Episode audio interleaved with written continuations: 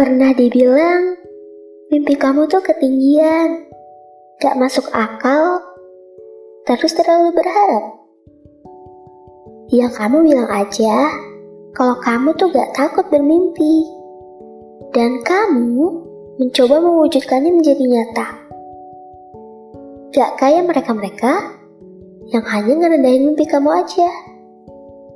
Kan gak ada salahnya punya mimpi-mimpi yang tinggi, karena memiliki mimpi itu merupakan sebuah keberanian tersendiri. Sebab kamu berhasil melalui resiko yang belum tentu dilakukan oleh orang lain dengan sangat berani. Ya, urusan gagal atau tidaknya itu kan bagian dari proses.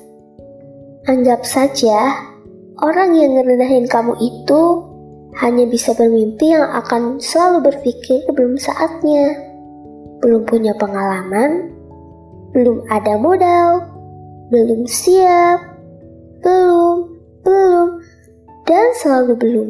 Jadi, kalau mereka masih aja rendahin kamu, cukup tutup telinga dan terus jalan ke depan. Seperti kata Pak Soekarno, bermimpilah setinggi langit. Ketika engkau jatuh, maka engkau akan jatuh di antara bintang-bintang.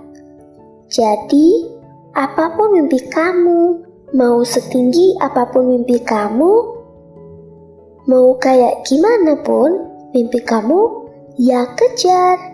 Jangan sampai omongan orang lain buat kamu jadi gak percaya sama mimpi-mimpi kamu itu.